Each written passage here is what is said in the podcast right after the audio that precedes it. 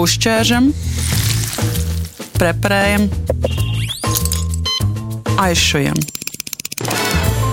Tāda ir mēdija anatomija.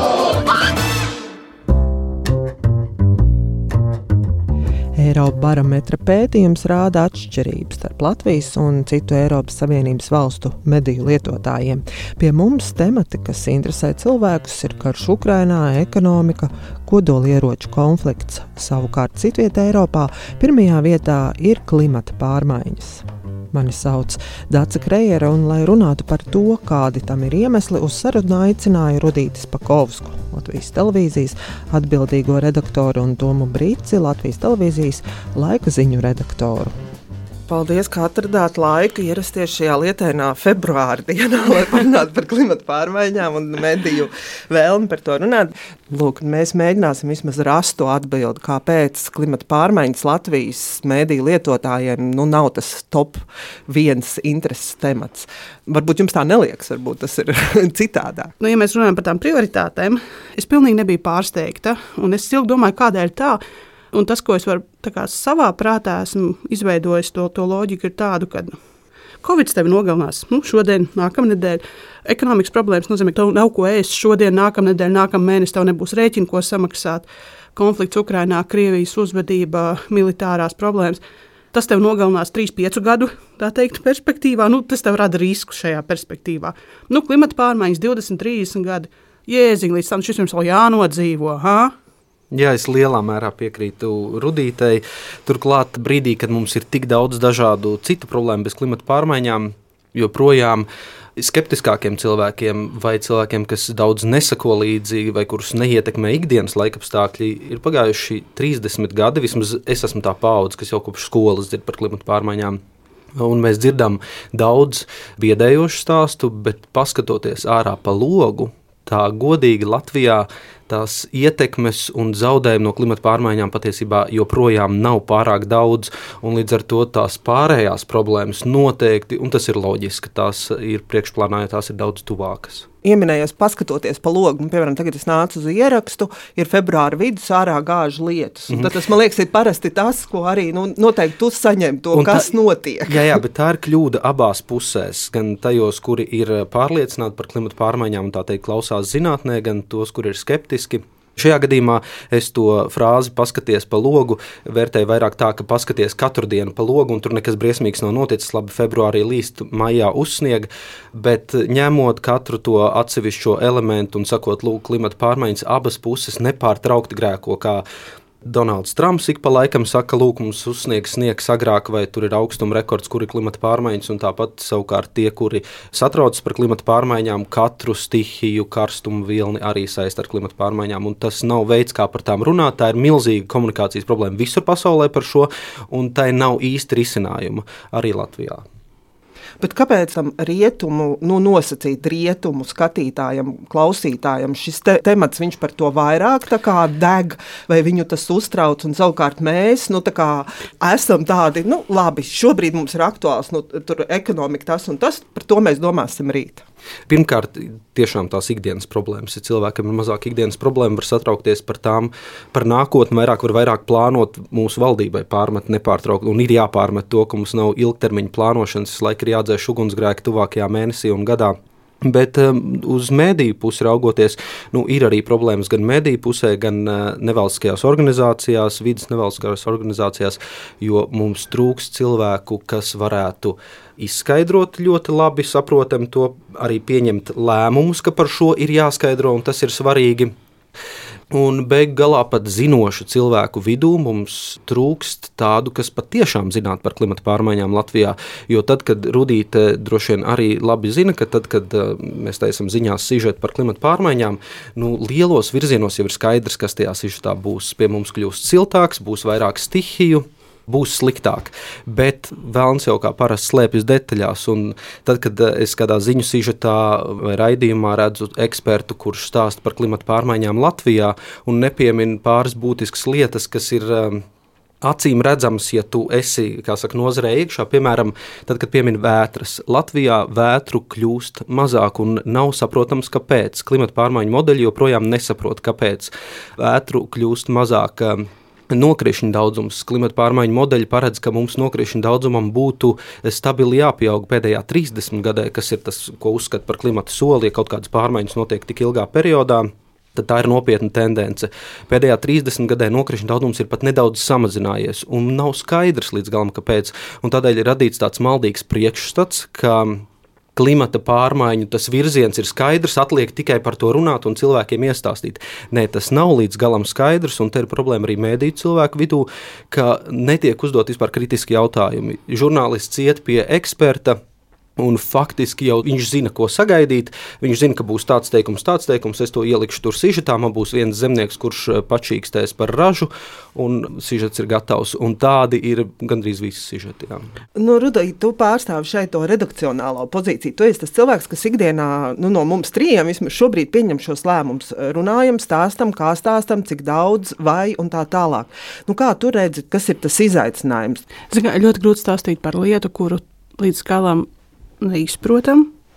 Un tas notiek, ka mēs viņu neizprotam, tāpēc, ka mēs neesam ieguvuši kaut kādu informāciju. Tas nav stāsts, kurā tu, ja tu atradīsi īsto avotu, vai īstos dokumentus, vai, vai pētījumu, vai uztaisīsi analīzes vai eksperimentu, tu uzzināsi atbildi. Šī ir tā lieta, kur tajā plašajā pasaulē, piemēram, tieši par kaut kādu Latvijas lietām, atbildes, kā es saprotu no Toma, viņš apstiprina to man sajūtu, ka viņas īsti pat nav nu, mēs nevaram pārņemt zinātnieku darbu un veikt pētījumus. Lai kā man reizēm negribētos. Jā, jo vēl viena sadaļa, kur arī eh, šobrīd arī rietumu mēdīji nezina, kā īsti to nokomunicēt, ka viena daļa zinātnieku slietas uzskatīt, ka klimata pārmaiņu tas 1,5 grādu slieksnis jau ir eh, neapturams. Mēs tur būsim. Nu, tad arī nu, tad runājam vairāk par pielāgošanos. Jo šobrīd, nu, piemēram, par izmešiem uh, siltumnīcas efektu gāzu, par to tiek runāts kopš 90. faktiski 30 gadi tiek runāts. Reālā līkne nav apstājusies uz augšu nevienā brīdī. Nu, tad varbūt pārstājam bezjēdzīgi runāt un izlikties, ka kaut kas mainīsies uz labo pusi, bet varbūt tad tiešām ieslēdzam to ekstrēmo sadaļu un sākam bruņoties, aizsargāties pret to, kas būs. Nu, tā diskusija, man liekas, vienkārši ir pārāk uh, nu, mēs varam teikt, ka, nu, ja mēs beigsim diskutēt par uh, siltumnīcas efektu gāzu emisiju mazināšanu, kas tad, tad būs? Bet nekas nav arī runājot. Nu, tā tad nu, kaut kur nu, tur bišķi neloģika ir. Bet kam es piekrītu, ka, lai runātu par šīm lietām, īpaši televīzijā, bilde ir vajadzīga. Spilgta bilde ir vajadzīga, un tādēļ nevar pārmest žurnālistiem, ka pie katras stihijas tiek jautāts, vai tās ir klimata pārmaiņas un vai tā būs biežāk. Bet tā ir vieta, kur attīstīt. Tās tās spraugas, tie logi, kur attīstīt šo diskusiju un lai, lai to sadzird. Jā, tā ir viena no prioritātēm, par kuru mēs arī ikdienas darbā nu, turam tādu prātā, ka par to ir jārunā, ka tā ir svarīga lieta. Uh, bet mēs nevaram arī pilnīgi atdalīties no tā, kas interesē cilvēkus, un aizlidot savā kosmosā un stāstīt viņiem kaut kādu pilnīgi. Viņi skatās uz savu objektīvo realitāti, kur viņiem ir Krievijas draudi, nav ko ēst, vai nevar rēķins apmaksāt, vai ir liels bažas par savu ekonomisko nākotni. Tas šitais vēl kaut kas. Un mēs viņiem beigās stāstām par klimatu pārmaiņām, tāds, kurā pasaulē jūs eksistējat. Tā ir tāda viena lieta, ka šīm klimatu pārmaiņām ir jārunā, bet viņām ir jābūt sasaistītām ar tādu nu, objektīvo realitāti, kurā dzīvo Latvijas cilvēki, kurā mēs visi kā sabiedrība dzīvojam. Nu, bet varbūt tajā brīdī, kad ir vasara, kurā nezinu, divus mēnešus nav bijis lietus, un reāli tur reģions kāds konkrēts ir palicis vispār bez ūdens akā. Zin, es tev varbūt... baidos atbildēt, jo man Toms Brits tūlīt pastāstīs par visiem gadiem, kad vasara bez lietus vēl neliecina par klimatu pārmaiņām. Iespējams, viņi liecina par klimatu Jā, pārmaiņām, bet, bet varbūt viņi neliecina kurā... par klimatu pārmaiņām, jo reizē mums ir vasaras bez lietus neatkarīgi no pārmaiņām. Bet varbūt tajā brīdī, tad, kad mēs eh, sēžam tajā lauku sētā un tas ūdens mums nav, varbūt tajā brīdī, ja man, piemēram, parādās kāds, kas sāk par to runāt, es būšu soli ieinteresētāk šajā tematā. Bet tā jau man liekas, mēs tik daudz mēs parasti darām, jā, ka vismaz ziņās, kad ir stihijas, tad par tām runā, un tad ir tas mūžīgais jautājums, vai tās ir klimata pārmaiņas, vai tā būs biežāk un tam līdzīgi. Bet man liekas, tādā Latvijas mēdīju visā tajā pasaulē skatoties, visvairāk mums trūkst eh, ne tik daudz varbūt pat ziņās klimata pārmaiņu saturu, jo tiešām nu, ziņu formāts ir tāds, kurā tik komplicētas lietas ir tiešām grūti stāstīt. Tas ir uh, objektīvi. Bet uh, mums trūkst. Uh, nu, kaut vai tādu pašu redzējumu, kā vidas fakti, zināmais, nezināmajā, kur jau varētu attīstīt formātus, vai kas man vēl liekas, ka ir pat pietiekami daudz par ko runāt, lai klimata pārmaiņām pašām būtu savs raidījums. Mums tās klimata pārmaiņas vienkārši ir jānosauc kā, kā savādāk, jo man liekas, ka sabiedrība izdzirdot vārdu klimata pārmaiņas, ir krusts un svētais ūdens prom, prom, prom, fuj, šitais būs garlaicīgi, šitais būs kaut kāda Eiropas direktīvas zaļināšana, zilināšana, papuve vai kaut kāds dievu brīnums, ko es nesapratīšu, kas neskar manu biotops, dzīvi. Biotops, biotops jā, vai, vai dzīvotne vai kaut kāds dievu brīnums, kas, like, nē, vienkārši nē. Jā, jā es, es tam pilnībā piekrītu, jo tas, kā līdz šim ir runāts, lielā mērā šie termini ir nonivelējuši to diskusiju, kāda var būt. Tā komunikācija ir nu, strupceļā, manuprāt, ne tikai Latvijā, bet arī visur pasaulē. Jo viena sabiedrības daļa, kas ir gatava rīkoties un pieņemt skarbākus lēmumus, ir par to pārliecināta, bet to pārējo ar līdzinējām metodēm pārliecināt nav iespējams, un viss. Bet jaunu metožu īsti nevienam nav. Nezinu, Grēta Thunberga gāja līdz galam, kā saka, šajā te flangā, kur biedējam līdz pēdējam, bet, nu, man liekas, atsitiens bija pietiekami liels, kas pat padarīja to situāciju varbūt sliktāku. Bet kā to nokomunicēt? Toms daudz runāja par tām diskusijām, izrunāt un tā tālāk. Un es praktiski iedomājos, un es pasaku jums uzreiz, visticamāk, mēs lielākā daļa mums atteiks, nenāks un tā tālāk. Jo klimata pārmaiņas kopā ar vēl dažiem tādiem topikiem ir tas, kas reāli, nu, tā teikt, uh, uztrauc, uzbudina kaut kādu sabiedrības daļu. Un tiklīdz tu kā zinātnieks, tu ņemies ar savu zinātni, tu gādā grantus un, un Latvijas zinātnes granītu graust, tas nav viegls pasākums. Un tad tu izēji publiski un runā par to, un tu runā godīgi un saka, tu līdz galam nezinu vēl kaut ko, un tad tev pēkšņi metās visās sociālajās tīklos, vidē apkārt tev piedraud, nedod Dievs, ja tu vēl esi sieviete, tad tu vēl esi vai nu pārāk skaista, vai nu pārāk neglīta, pārāk tieva, pārāk rēsna, tur precēta. Nu, vienalga, kas ar tevi nav pareizi. Es domāju, ka ļoti daudz zinātnieku un, un varbūt eksperti arī tieši tāpēc sēž klusi zem sava akmens, pēta savu lietu un nerādās ārā. Es tam pilnībā piekrītu, un arī tāpēc es pats personīgi diskusijās par klimata pārmaiņām publiski iesaistos relatīvi maz. Ties tieši šī iemesla dēļ, ka vienkārši tā polarizācija ir ārkārtīgi milzīga. Man liekas, viena daļa politiķiem, labi, ierēķiem būtu jānāk uz šādām diskusijām, bet uh, arī politiķi viena daļa, es domāju, ka ļoti laipo tur pa vidu un neizsaka ne tādu viedokli, ne šādu, jo tas noteikti var atstāt būtisku ietekmi uz viņu reitingiem. Tā, tā noteikti būtu problēma. Jā. Vienmēr ir vieglāk pateikt, es jau neko, es jau saprotu, bet Eiropa lika zaļināt vai vēl kaut ko tur darīt. Eiropa mums lika visas šīs muļķības darīt, kuras nestrādās klimata pārmaiņas, bet nu, mums Eiropa lika, es jau neko, tas man liekas tik tāds Jā, arī jā, ļoti, ļoti kaitējošs uzvedība. Jebkurā gadījumā tas temats ir ļoti sarežģīts un nepakļaujas vairumam, manuprāt, tādu klasisko problēmu, kuras risina un diskutē žurnālisti. Jo iesaistīto pušu ir tik daudz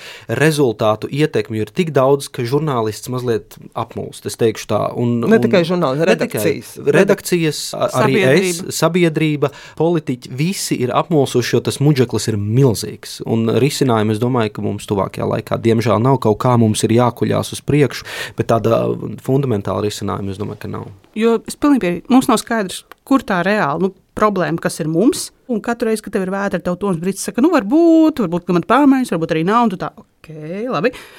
Tev nav arī risinājuma. Jā, jo, ja mēs pārtrauksim uh, laist gāzes gaisā, Ķīna un Amerika darīs to vienalga. Un šis ir arī viens no argumentiem, pret kuriem ir grūti cīnīties, jo tas ir īsts arguments. Bet uh, mēs vienlaikus nevaram turpināt izlikties, ka mēs varam darīt kā līdz šim. Nu, kā, tas ir muģeklis. Tas ir, muģeklis. Tas ir sarežģīti. Tur bija Facebook attiecības status? Tas ir sarežģīti. Jā, tas ir sarežģīti. Par klimata pārmaiņu atspoguļošanu Latvijā runāju ar kolēģiem no Latvijas televīzijas Rudītas Pakausku un Tomu Brici. Mediju anatomiju šodien veidoja es, Dārsa Krejere un Valdis Raitums. Paldies par uzmanību un turpiniet klausīties Latvijas radio. Uzķēršam, preparējam, aizšujam. Tāda ir mēdija anatomija.